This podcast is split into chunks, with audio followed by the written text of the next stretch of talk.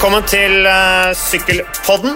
Uh, Magnus Sorre, det er uh, ny uke og nye muligheter, og du er jo fyr og flamme allerede fordi at du har store nyheter fra Spania.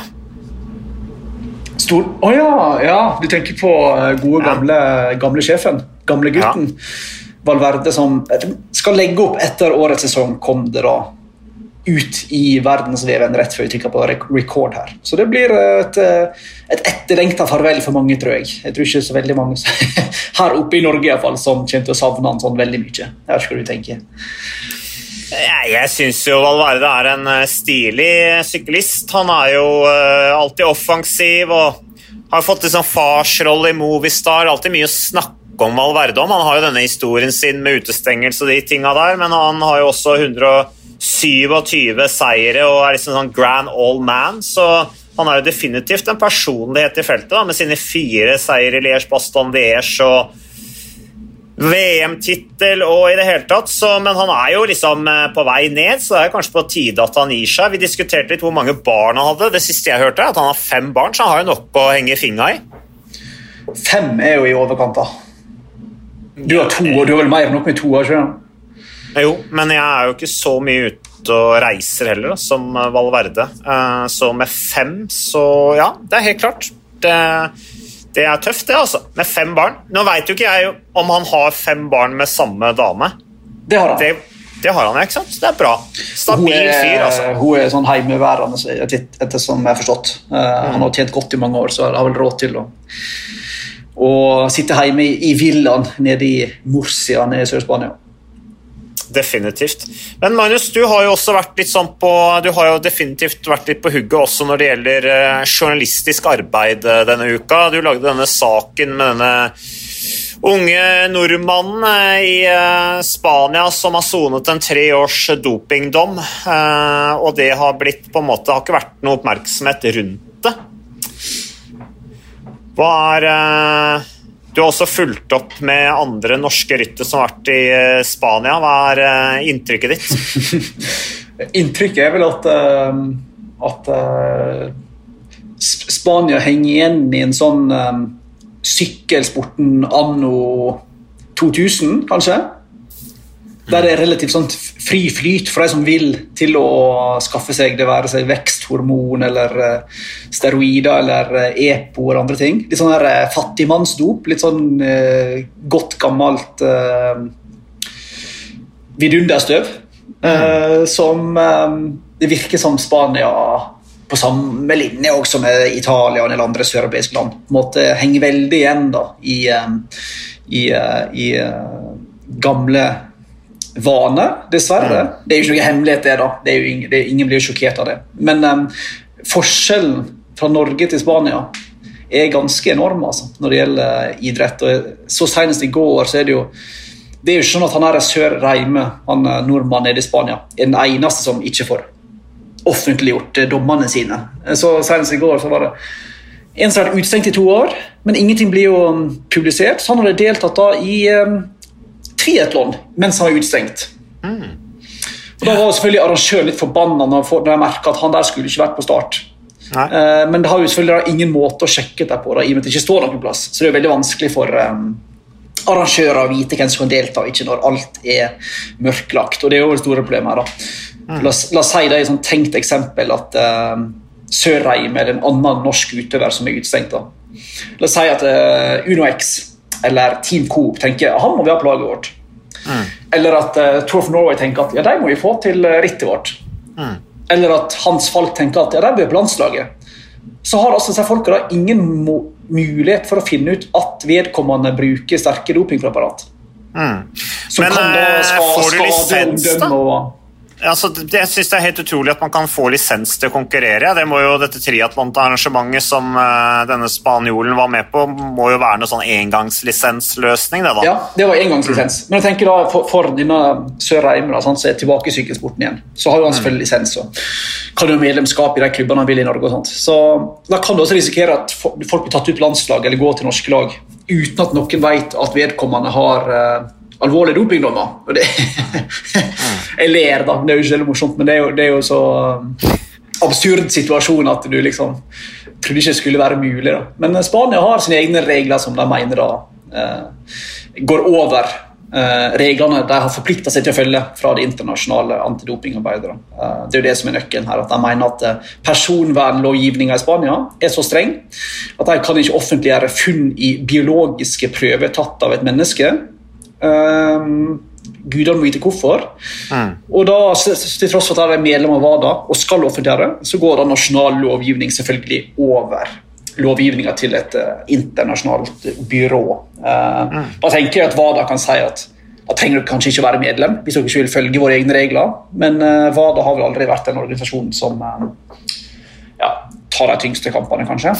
Nei, altså utfordringa til WADA i Spania har jo de har hatt utfordringer der tidligere også, med Puerto-saken som de jo aldri har, egentlig har kommet til bunns i i det hele tatt. Eh, det er, på en måte, ja, altså det er på en måte en uløs sak fordi at eh, det sannsynligvis er en masse bevis der som eh, WADA aldri har fått lov til å analysere. Da kan man jo lure på hvorfor hvorfor, men nå er jo den saken uansett foreldet, så nå er det jo ikke noe mer å, å snakke om, egentlig. Den saken er, eh, for, forblir en gåte pga.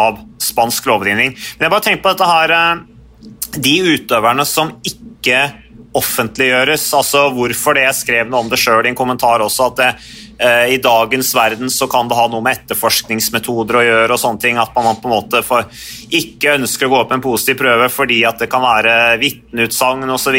som bidrar med, til en større etterforskning, som det har vært flere av i Spania. for det er klart, Nå snakker vi om Spania som liksom eh, en fan terrible eller en litt sånn urokråke, men samtidig så har det vært en del opprullinger i Spania òg med hjelp fra politiet, eh, bl.a. med store dopingringer. Men jeg så også i, uh, i går uh, så leste jeg litt uh, mer om det, og det er, jo, mm, det er jo ikke bare i Spania at utøvere skjermes for en offentliggjøring av en dopingdom fordi at man tar hensyn til totalsituasjonen, og særlig utøvere som ikke er profilert, blir skjerma. Mm. Fordi at det er på en måte, man mener at det har ikke noe offentlig interesse da, av at utøvere som ikke er profilert, unge utøvere kanskje, at, skal, at, de skal på en måte få navnet sitt uh, ut i media med all, alle de utfordringer det fører med, da, rent personlig. Og at det ikke bare gjelder i, Spania. Nei, Det er du helt rett i, og sånn er det jo i Norge òg. Norge er jo faktisk dessverre ikke den mest progressive antidopingnasjonen når det gjelder åpenhet om dommer. Uh, og det er sikkert gode grunner til, som du sier, at det er ikke nødvendigvis offentlighetens interesse om naboen min her på Grefsen i Oslo har tatt anabole steroider for å springe fort i um, sentrumsløpet i Oslo. Skjønner du hva jeg mener? Mm. Uh, men spørs, problemet blir jo at i Spania og i mange andre land så er det jo ikke noe system i, i, hva som er kriterier for å bli holdt skjult, og hva som er, krever offentliggjøring. Uh, og klart sånn som I Norge så kan jo vi, vi i media kan jo søke om innsyn, og få nesten alltid det, i i mosjonister eksempel, som blir tatt i doping, eller under 18 år, som er på et lavt nivå. Mm. Men det er grad, altså, Terskelen for å publisere det er jo selvfølgelig høy. høy da. Men problemet her er jo at det her er åpenbart men jeg har offentlighetens interesse med tanke på avskrekkingsfunksjonen, øh, informasjonsbehovet og at vedkommende sykler på et høyt nivå når du sykler UCI-ritt og er på et semiproft nivå og får penger for det du driver med, mm. og er aktuell for å representere et landslag, i teorien i alle fall, hypotetisk. Mm. som mener absolutt har offentlighetens interesse, selv om mange sikkert ikke er enig i det. da. Eh, men eh, når nordmenn blir tatt for tunge dopingbrudd, så um, tror jeg du skal argumentere godt for at det ikke hører hjemme på et så høyt nivå da, i offentligheten. Men nei. ja, det er som du sier, altså når, er, når, vedkommende har fått tre års utstengelse, så er det snakk om et ganske alvorlig eh, altså en alvorlig sak. Da. Eh, da, er det ikke, da er det ikke en type stoff som eh, de kan ha fått i seg ved et uhell, sannsynligvis. Nei, og så det som skjedde her, det skrev jeg heller ikke i saken, men det er jo òg det er jo òg Den positive prøven kom fra ei god gammel urinprøve. Mm. Uh, og Uten å gå i detaljer på det, så er det jo det er ikke alt mulig som fanges opp av det. altså. Um, så hvis du får Det fordrer jo enda mer at det er noe uh, alvorlig. da. Uh, så vi håper å kunne nøste opp i etter hvert. Vi har ikke gitt helt opp. Så de som ikke er lei sånne her, uh, negative saker om norsk sykkelsport, får, for, får forhåpentligvis kanskje mer å lese om ikke så lenge nå. Ja, ja. Nei, men sånn er det. Sånn er det. Bare, det er i hvert fall eh, Det skjer ting, og det er nyhetssaker, og det graves. Det er bra, det, Magnus. Men uh, tenkte på over til noe annet, en litt sånn gladsak. Vi er jo 2021, Magnus, og vi har jo snakket litt om dette med utviklingen til internasjonal damesykling, og hva som på en måte er løsning der for å gjøre et skikkelig løft. Og jeg syns jo det skjer ting. Det blir jo ni World Tour-lag for damer i 2021, faktisk ett mer enn i 2020. Eh, det er jo positivt når vi er i den pandemien og med økonomisk, de, sånn delvis eh, store økonomiske utfordringer som det har medført, så er jo det absolutt positivt. Men det er litt sånn utrolig at altså i 2021, først i år, så er det første gang altså det franske sykkelforbundet deler ut en profflisens til kvinnelige elitesyklister. Eh, du måtte altså helt til 2021 for at det skulle skje. Eh, så Det gjør da endelig at disse franske syklistene Det er ni franske sykkeljenter som, eh, Nei, 15 franske mener jeg, unnskyld, som får profflisens i 2021. Alle disse er på World Tour-lag, og da kan jo de endelig da, få, da får de en profesjonell kontrakt, få papirer, sånn at de kan gå til banken f.eks., få seg lån, i lønna så er det sosiale rettigheter osv. Så, videre. så Så det er, i, det er i hvert fall en, en gladsak. Andre nyheter. Eh, det er jo en del som sliter også. Eh, Elia Viviani forlot en treningsleir i Benidorm med Cofridis pga. Eh, mulige hjerterytmeforstyrrelser, samtidig som italienske landsmann Diego Lissi har også måttet ta en pause pga. utfordringer med hjertet. Og det skal visstnok være snakk om en betennelse i hjertemuskelen. Vant jo to etapper i giroen i fjor. Ulissi Evenepool han må også belage seg på tre uker av sykkelen. Eh, fordi at han er fremdeles ikke bra etter dette veltet i Lombardie rundt, så det tar, det tar, litt tid. Følger du eh, Evnepol på Instagram, eller Magnus? Instagram, mener du? Eh, ja, på norsk så blir det vel Instagram, Instagram. men hvis du sier det på engelsk, så blir det Instagram. Ja, eller amerikansk. Jeg, jeg, jeg, jeg er det. Um, uten at det gir meg sånn veldig stor glede å følge mange store idrettsprofiler i sosiale medier. Det er jo stort sett reklame og stort sett eh, et glansbilde. Og... Mm. Men jeg er jo det. det jeg føler jeg er jobbforplikta til å følge Remco Evenepool i sosiale medier. ja.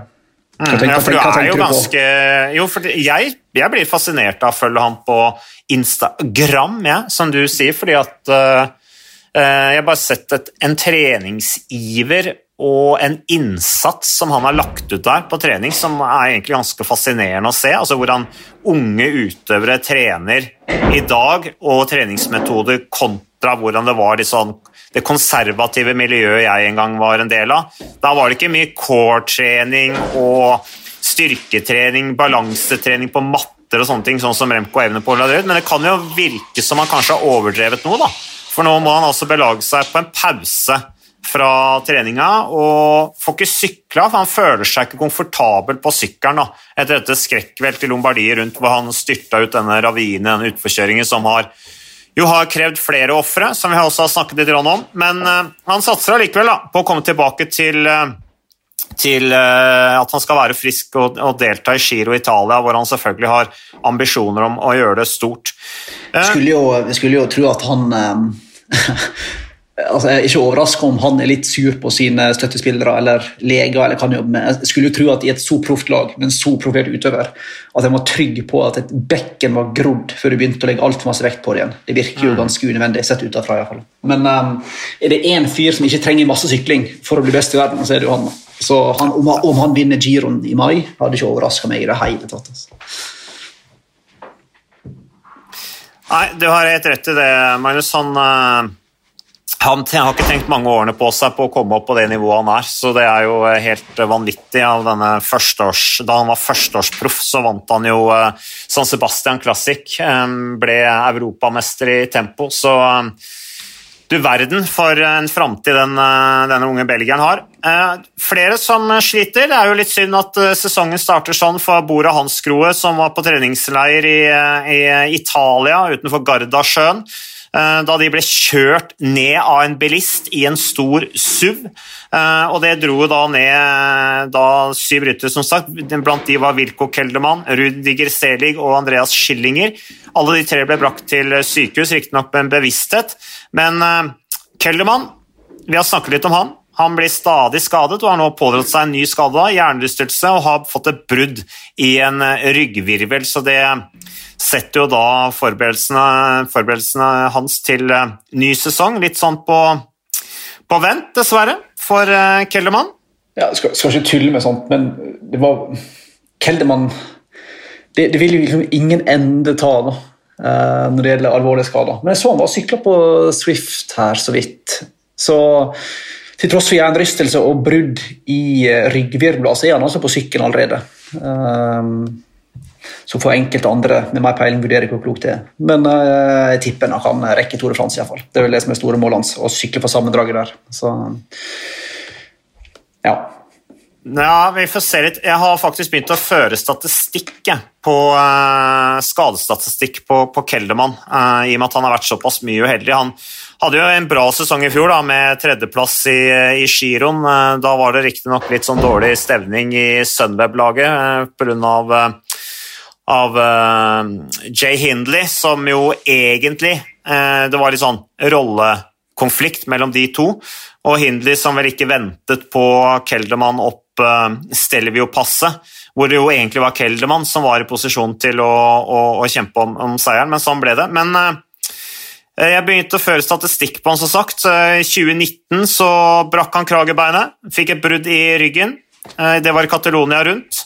Var ute i ti uker, stakkars Keldermann. I 2018 i Terreno Adriatico så brakk han kragebeinet, var ute i seks uker. I Italia rundt i 2017 så brakk han en finger, var ute i fire uker.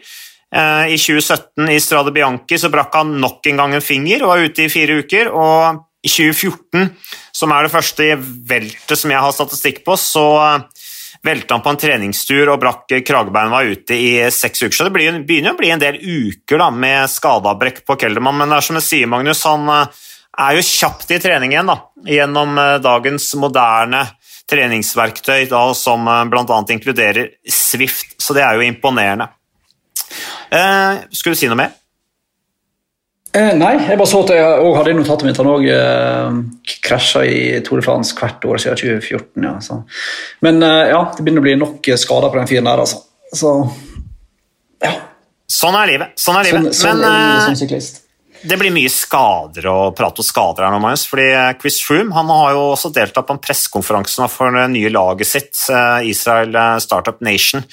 Um, og uh, Han sier jo at han ser for seg å avslutte karrieren i, uh, i, det laget. Det er jo ikke unaturlig. Han er jo 35 år gammel uh, Chris Froome.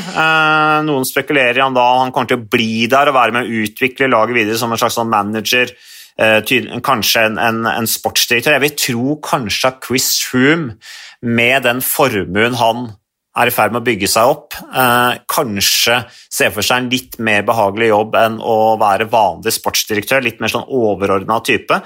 Men eh, det blir eh, spennende å se om han eh, om han kommer tilbake da, og vinner sin femte Tour de France. I så fall så blir han da den nest eldste Tour de France-vinneren etter belgiske Firmin Lambon, som vant som 36-åring i 1922.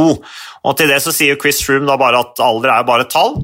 Og hvem er det som også sier det, Magnus? Hvem er det som sier at alder bare er tall?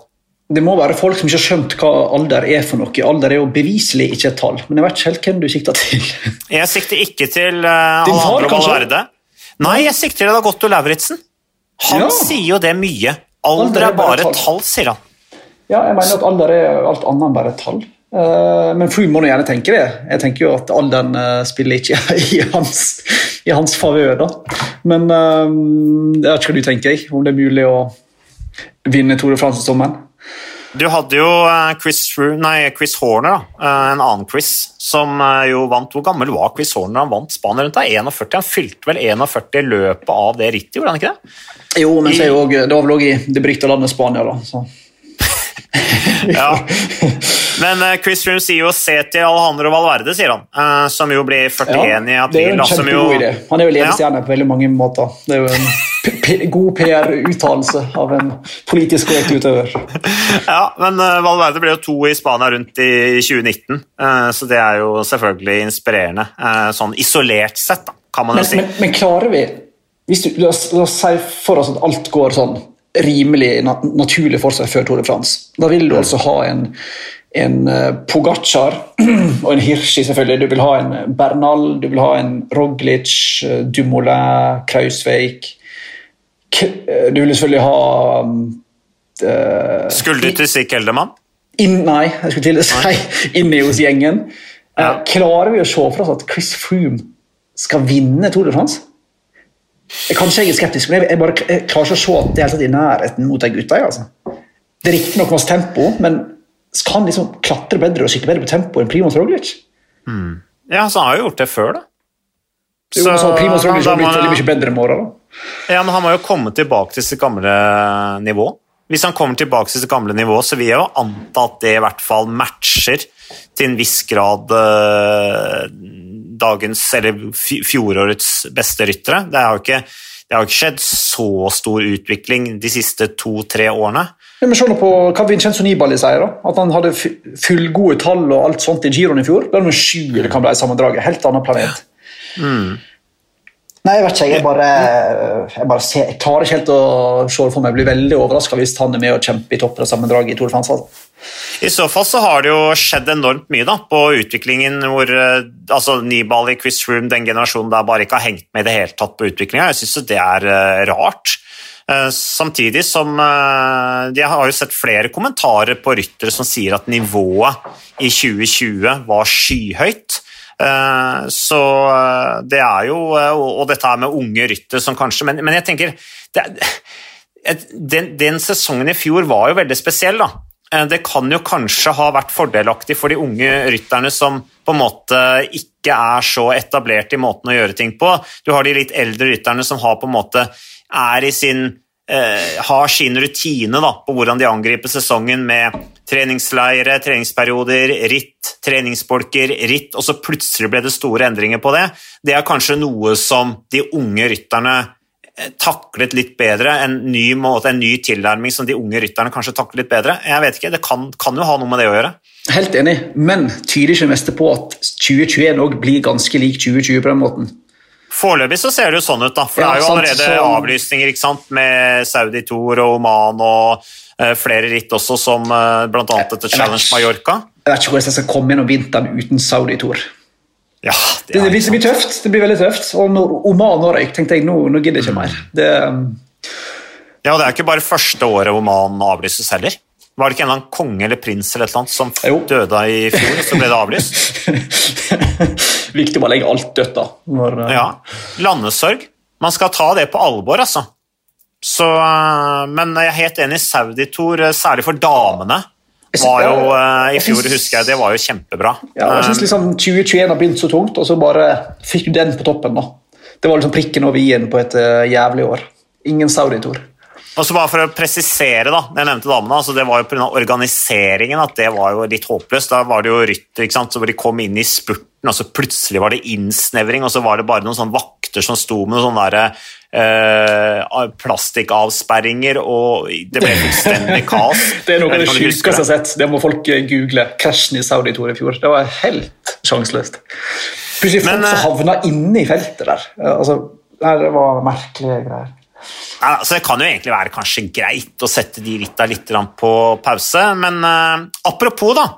Uh, er, uh, jeg har faktisk snakka med Edvard Boasen Hagen. Jeg snakket med han ja. før vi spilte denne podkasten. Han, han, er på treningssamling med sitt nye lag Total Direct Energy. Og det er litt spennende.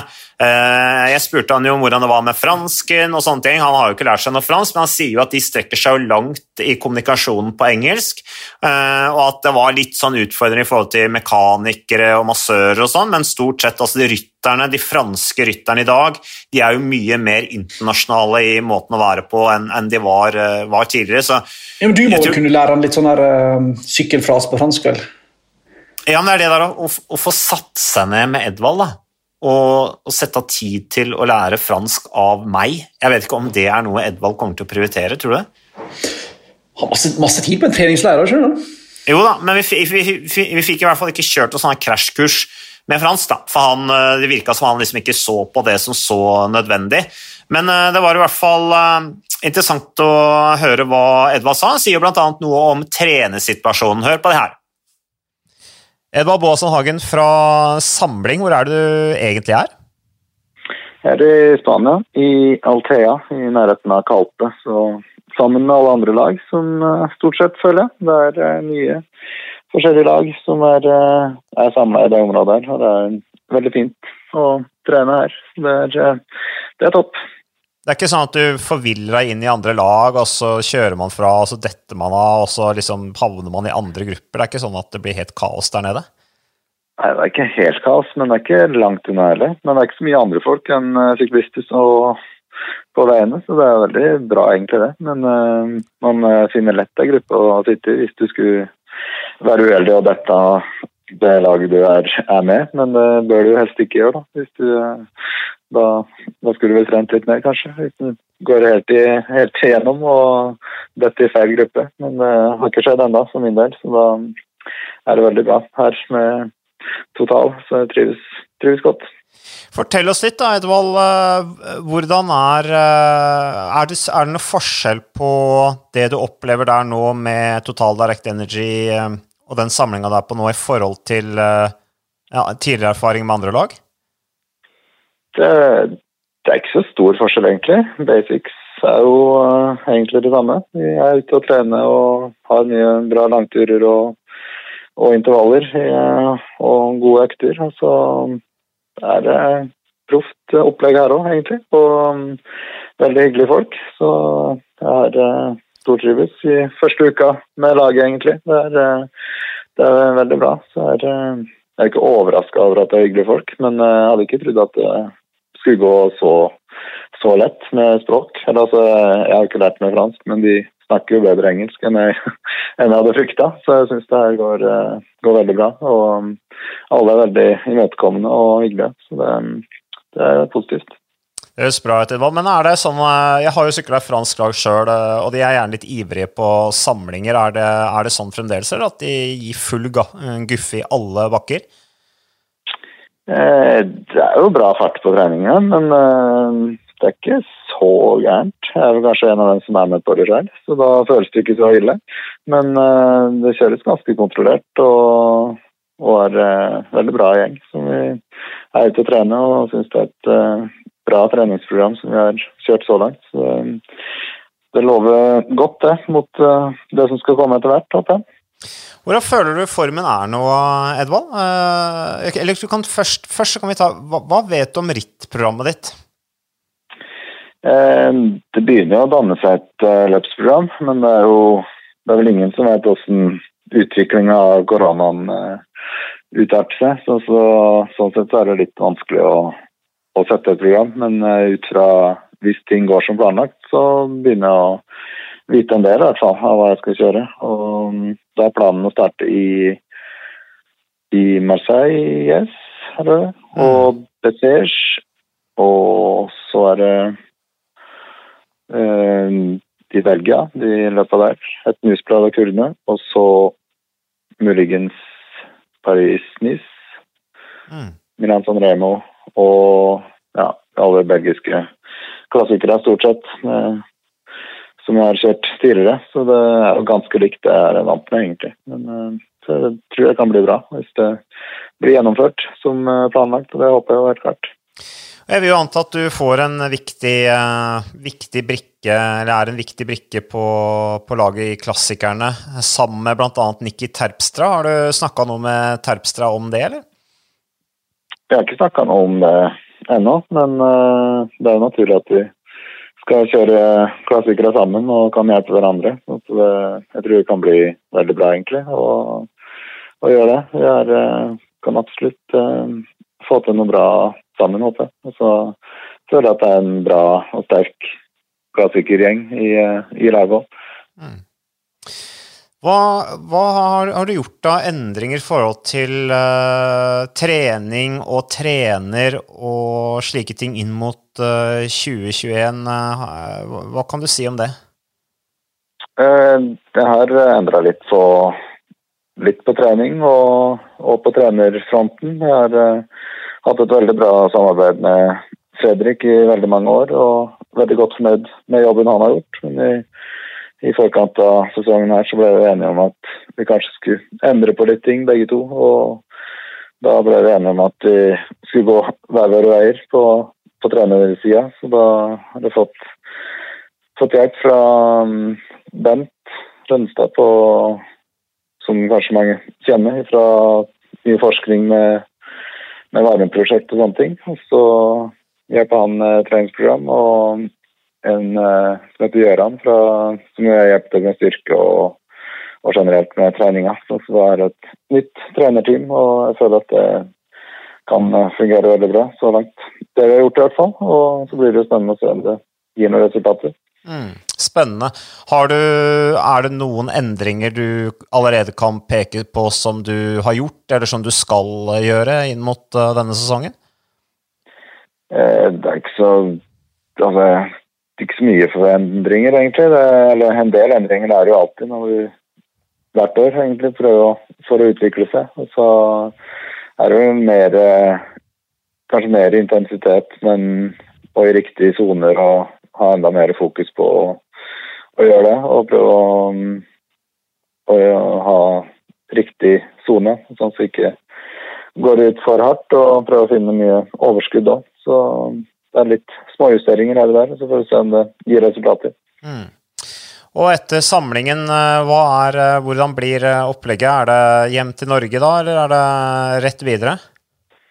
Det blir en liten tur hjem og ta den tida med karantene der. Og så blir det ut i løp, og så blir det litt fram og tilbake nå i den perioden her. Og så når det blir, begynner å bli tettere program hvor du ikke rekker å komme hjem, så blir det å være ute på reisefot da, i så lenge man har en bolk til å komme hjem til.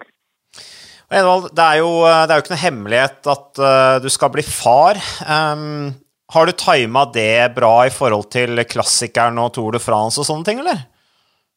Ja, jeg føler det blir en uh, grei timing der. Uh, det er jo til våren og i mai, så da håper jeg at jeg får en litt rolig løps plan akkurat da. Så, det er jo perfekt timing. Helt, helt ærlig ja. så er jo det perfekt timing, for det er jo da etter klassikeren i en periode hvor du normalt tar, tar, litt, eh, er, tar det litt med ro. Er, er, du så flink til å planlegge? Ja, jeg vet ikke. Det skal vel litt tilfeldigheter til akkurat på den planlegginga der. Men vi, vi, var heldige der. Og det passer forhåpentligvis veldig bra med løpsprogrammet òg. Så er, eh, vi er godt fornøyd der. Så gleder meg veldig til det skjer. Det blir eh, spennende, Edvald. Men tusen takk for praten. da, så får du ha masse lykke til videre med samlinga og, og rittoppkjøring. Jo, tusen takk. Det blir spennende. Takk skal du ha. Ja, det var uh, Edvald eh, Boasson Hagen som fra sin hotellseng i Spania på treningsleir fortalte litt om, eh, om, eh, livet der. Og litt interessant, Magnus, dette her han sier om at eh, han skal bytte trener etter mange år. Fredrik Moen og Edvald som jo har hatt et nært samarbeid. og det, det, er jo, det, er jo, kanskje ikke så dumt når det har stagnert litt for, for Edvald å, å, gjøre det valget. nå vet ikke jeg liksom hvem det initiativet kom fra. slik jeg har forstått det på Jeg følger jo Twitter og følger bl.a. Jarle Fredagsvik der som jeg så tvitra at det var Fredrik Moen som hadde tatt det initiativet. Eh, og Det er jo ydmykt av Fredrik Moen, eh, men det tenker jeg er en eh, naturlig konsekvens av at det har butta litt imot for, Edvald. og Det blir veldig spennende å se med trenerbytte Rønnestad, som er spennende, som og, som er en del av dette Lillehammer-miljøet. som Jeg var og, og, snakket med han og Joar Hansen og dette høydekammeret. Han kan jo masse trening. Eh, men det blir et miljø på en måte som kommer til å stå bak da, treningsarbeidet til, til, eh, til, Edvald. Han sier at uh, noe endringer har det allerede blitt da, på dette med intensitet, bl.a. Ja, det, det er spennende det du sier, for det er ganske spennende skifte. For det er jo få folk i Norge jeg, jeg skal ikke si jeg kjenner godt, men som jeg på en måte kjenner til og har uh, litt kontakt med av og til.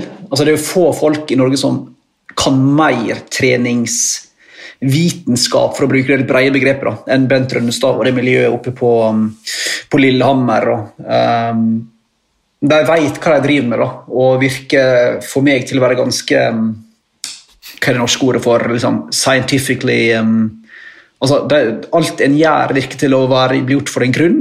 Uh, og, mm. De er forskere? Ja, og på en måte basert på forskning. Da. Så veldig spennende det at han går fra Moen til Rønnestad. Det blir spennende å se um, effekten av.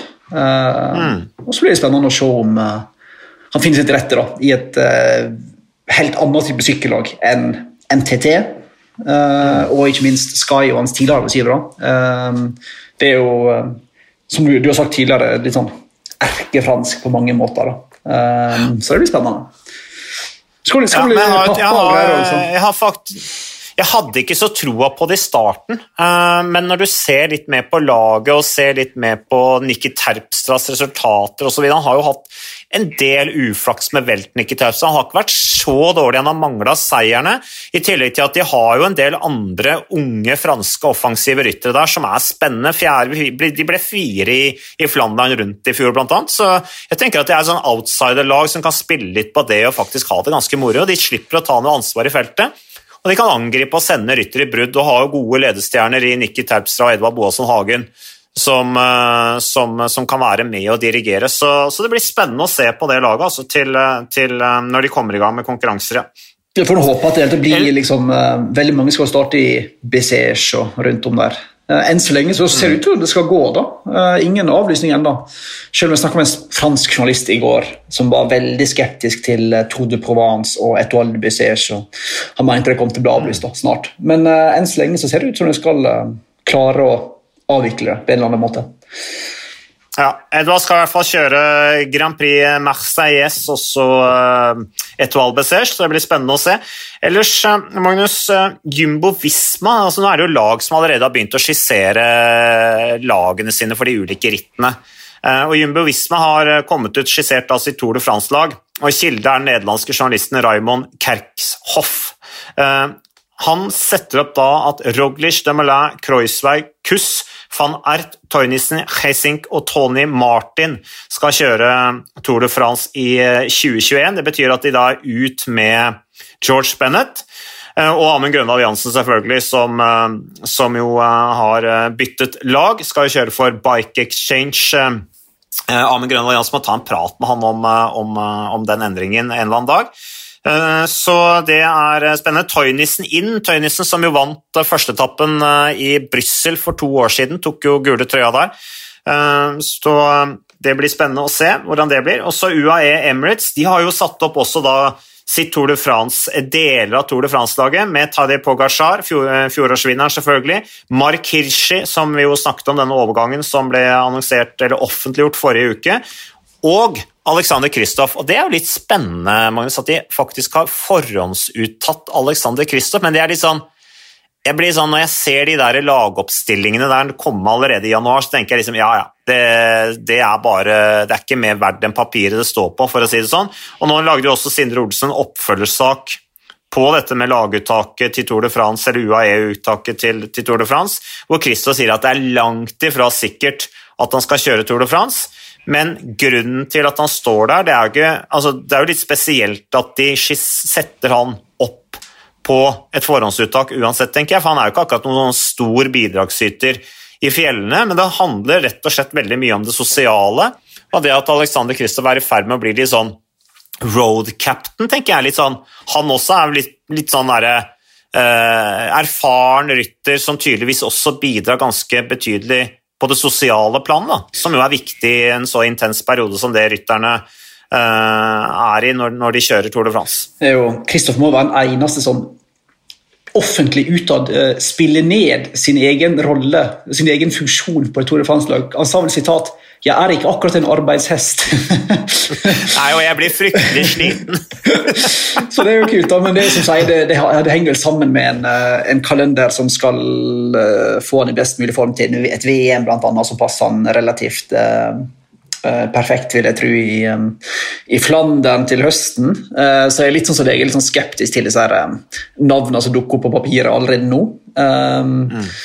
Men ja, absolutt. Han virker jo til å få en slags sånn tillits-road uh, captain-rolle med Pogacar, og hans gode humør var visst òg uh, et viktig kriterium for Alan Piper, altså sportsdirektøren der. Um, mm. Så han har absolutt en funksjon, da, og i sidevind, ikke minst. Og så er ikke Kristoff er jo ikke han har jo òg en funksjon uh, med erfaring i et ungt lag. Sant? Med Hirschi og Pogacar og co. Så er det masse å, hente der. Og så er det vel sikkert litt avhengig av hva som skjer med karrieren til Fernando Gaviria. Han skal jo da, eh, på papiret i alle fall, sykle giroen i år. Mm. Men hvis han klarer å komme seg tilbake igjen, så kan det jo være, da at han er i fantastisk form. plutselig da. Kan hende at det er viktig å få med antitode til Tour de France, sant? og så får du noen justeringer der isteden. Men uh, to perioder med covid-19 er jo brutalt. da. En, Nå er han heldigvis vaksinert, da. Ja, litt for seint, kanskje. Ja, etter, to, etter, to, positive tester med covid-19 så har han, eh, har han, også fått denne vaksinen som vi snakket om ja, i forrige episode. Men altså, Maken til eh, supertalent. Og Vi husker han i Tour de France i 20, da var det 19, var det 19 han to etapper? Var det gulltrøye? Mm. Men så har det gått eh, masse opp og ned siden det. da. Så um, ja, Det blir spennende å se hva skjer med han, for det kan garantert påvirke Tour de France-lag, tror jeg. Hvis han plutselig kommer i kanonform. Ja, men er det plass til Gaviria i kanonform og Pogasjar som skal kjempe om sammendraget? Det er jeg litt skeptisk til. Én ja. ting er å ta Kristoff som til en viss grad kan klare seg sjøl. Det har jo blitt litt sånn nå, det tror jeg på en måte bare Kristoff innser òg, at han får ikke noe opptrekk rundt seg så lenge han hvis han skal kjøre Tour de France med Pogacar. Uh, men, men, de tenker at ok, Christo kan, kan klare seg sjøl og få noen gode resultater, og så er det den funksjonen han har rundt dette med å, å være en, en stabil uh, styrke da, i laget sånn rundt det taktiske og, og sosiale og i det hele tatt som, som, jo trengs når det er mye nerver blant mye unge ryttere. Ja, du har et godt poeng. Altså, Gaviria trenger jo fort en Richese eller andre med seg hvis han først skal. Det er et godt poeng. Kristoffer klarer seg bedre alene. Det er sant. Men um, ja, ja, det, har mye, det har vært mye snakk om opptrekkstoget til Kristoffer. Liksom at han mangler opptrekk, mm. han mangler folk rundt seg. Men det, nå er det liksom bare sånn ja, Nå må han bare klare seg sjøl. Eh, hvis han har tenkt å kjøre Tour de France. Det, det tror jeg han, eh, han, innser selv også. Men det blir i hvert fall spennende å se på eh, altså, Alan Piper sier jo i det intervjuet som Sindre Olsen har laget, som, som ligger på TV 2 sine sportssider, at Eh, at eh, det kan være mer ideelt for Alex å kjøre Spania rundt eh, som en oppkjøring til VM, som jo blir kjempespennende VM i Belgia, i Flandern, på, i en type terreng som burde passe Alexander veldig bra. og Det er helt opplagt at UAE også ser mulighetene for at hmm, Alexander Kristoff, når du liksom passerer de 250 km, så har han en utrolig evne til å, å, å, å stå stå rittet, eh, som andre ryttere ikke har, og han kan faktisk bli verdensmester i 2021. Det hadde jo vært en herlig revansj da, etter dette bitre tapet i Bergen i, i 2017. Poenget ja, helt enig. Eh, poenget er bare at i det året vi går inn i der um, Pogacar skal prøve å følge opp Tour de France-seieren uh, Veldig vanskelig å si hvordan det går. Vi har sett x antall ganger at det året etter Tour de France kan påvirke formen. Eh, jeg vil tippe at Hvis det blir realiteten at du må i karantene i to uker i Tokyo, så tipper jeg at Mark Hirschi kanskje heller prioriterer et OL enn å sykle Tour de France. Så jeg tror det er veldig mange sånne variabler her. Altså jeg tror veldig masse kommer til å se annerledes ut når vi kommer til uh, jul igjen um, her vi står akkurat nå. Da. Ja, nei, det er sant. Det er sant. Helt enig med deg, Magnus. Så, um, ellers, uh, Pinot skal ikke til Tour de France. Um, det er jo litt Det er jo ikke noe bombe etter to år med store nedturer i, i det rittet for Pinot. Han skal returnere til, til Giron, og dermed så blir det et rollebytte i Francé de Jeux. Det åpner da for at Arnaud Demar med sitt, sitt opptrekkstog Eh, blir, eh, blir, å se i eh, Tour de France. og Der er det jo også en sju-åtte muligheter, slik jeg ser det i hvert fall, i årets utgave, så det burde passe DeMar og, og, og hans ryttere veldig bra. Så det er DeMar er jo en spennende rytter. Vant 14 ritt i, i, fjor. Det er jo dobbelt så mange som Sam Bennett og, og Caleb Ewan. Eh, og I tillegg så kommer også Frans Eder Sjø til å ta med seg David Godou, da, som, som, på en måte må klare seg litt på egen hånd, som en rytter som skal, skal prøve seg for, for, for sammendraget. Men uh, det kan bli en uh, veldig uh, farlig Eller en rytter som kan, kan plukke mange seire i, uh, i, årets Tour de France, Arnaud de Mar. Altså. Ja, altså det er fornuftig å innse at det kanskje er på tide å, å bytte ut Pinot med Gaudu. en har prøvd mange år nå. det gjør åpenbart ikke livet til Pinot bra å sykle Tour de France, verken fysisk eller mentalt. Så Igo Du, som har fortjent muligheten, var jo briljant i Spania rundt, vant to etapper der, var vel topp ti sammendraget. Tror jeg meget fornuftig av eh, Francerisjø å ikke pine Pinot gjennom tre uker i Frankrike. Det er jo ofte vondt å se på fra, til og med fra utsida. Det er jo vondt å se på han i Giro nå, da, eh, når han får feber eh, på siste uka der etter å liksom ha ligget godt an, og så det, det, det, går det, er en rytter som Altså, man får ikke noe gratis i sykkelsporten. Selv de store stjernene sliter uh, mye, og Pinot er et godt eksempel på det. Jeg snakka med søsteren min i går, hun bor jo i Frankrike, og det var liksom det første hun sa. Å, Pinot skal ikke kjøre Tour de France. og det, er en rytter som skaper mye engasjement, og som helt opplagt er en publikumsyndling som liksom skaper Fordi han skaper så mye drama, da. Det ser så bra ut, endelig skal det løsne, han skal gjøre det helt store, og så skjer det et eller annet sånn som er litt typisk. Han veltet jo på første etappen i NIS i fjorårets Tour de France eh, for to år siden, hvor han jo lå fantastisk godt da han var i kjempeform. Så var det, det dette at han slo kneet opp i sykkelstyret eller hva det var, og, og da måtte bryte pga. det. Så det Men du skal leite, er en nytt. Unnskyld at jeg avbrøt deg. Uh, bare ja, bare kjør på. Nei, nei, skal, du skal jo leite godt til å finne mer underpresterende gjeng enn de franske sammenlagtrytterne. Altså. altså, jeg er veldig sansen for Pinot, men Se på hvor lite Pinot, Bardet, Latour, Calmejean og mange andre egentlig får utretta på sykkel. Ja, det er store, det store jo... altså, men det, du kan nesten telle seirene der på ja, Ikke ei hånd, da, men uh, sitter med, sitter, nei, de vinner jo ikke. Nei, sitter med en følelse av at en generasjon der kunne fått til mye, veldig veldig mye mer og burde gjort det. Men klart med Ala Filip nå, så ja, overlever jo Frankrike, sånn sett. Men um, men, men liksom bare det så er det jo ikke sant Bare det oppi nå, så er det dette med tempo. Ja, de, de, er for dårlige på tempo. Jo, men alle andre må jo klare å bli gode på tempo. De må kunne klare å få det til, vel. Ja, det er alltid en av akilleshæl ja. som gjør at de liksom Kommer de på pallen, så er det det, det, det er maks av hva de kan få til. De mangler det, det siste lille for å ta det der steget helt opp i toppen. Det begynner å bli lenge siden nå da, at uh, franskmenn vant Tour de France 1985 med Bernhard Hinault. Det er klart at uh, de sulter etter en sammenlagtseier, og jeg har problemer med å se hvem av de franske rytterne som kan være med å kjempe om seieren i, i årets Tour de France. Den, det tror jeg Ja det ville i så fall vært en sensasjon. Men uh, Magnus, jeg vet ikke tenkte kanskje at det var det? At vi skal gi oss med sykkelpod? Ikke for alltid, men for i dag. Hva tenker du om det? Det hadde vært brutalt sånn, å slenge ut der. Eh, nei, Vi har vel egentlig kommet gjennom det meste. Ikke, da? Det har så vidt begynt å sykle litt nede i Australia. Uh, det er gøy, og så blir det vel flere sykkelritt nå neste to ukene. Så um, vi nærmer oss, nærmer oss en sykkelsesong, selv om den blir litt amputert i år òg.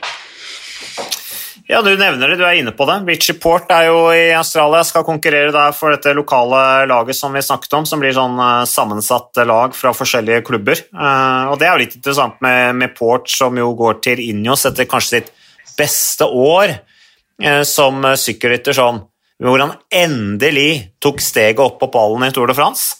Så har han også signert en kontrakt. Han sier i hvert fall i kontrakten så står det at han skal være hjelperytter. Uh, er jo tilbake inn i oss da etter at han forlot Team Sky i 2015. Så uh, ja, det blir spennende å se om Richie Porte er i form, og om han er i så bra form liksom at han blir den der suverene hjelperytteren som man liksom tenker hm, han burde kanskje ha kjørt for seg sjøl altså, i, i, årets sesong. Apropos Pinot, altså, det er jo to litt like personligheter, føler jeg. Så det, mm. Du ser jo ofte i Tour de France at, at Richard Port trives bedre litt unna rampelyset. Så jeg tipper han kommer til å ha en kanonsesong som hjelperytter i et vanvittig sett lag. Mm. Ellers er det jo sykkelcross eh, i helga, da, Magnus. Fra det er verdenscup, siste verdenscupen eh, før da eh, VM, som da er helgen etter, altså siste helga i januar. Så det er bare å benke seg foran TV-en og følge med på det, med, med Val van Ert bl.a., Matthew van de Poel og Pidcock og hele gjengen, så det blir, eh, det blir bra. Da har vi noe å drive med i helga også. Vi har ikke snakket så mye sykkelcross i det siste. Nei, vi har ikke det. Det er sant, det. Men jeg føler sånn Vi skal ikke gjøre det nå Nei, heller. skulle si det. Vi prøvde å runde av, gjorde vi ikke det? Jo, så takk for at du lyttet til Sykkelpodden, og takk for ditt bidrag, Magnus Åre Vi er eh, tilbake neste uke.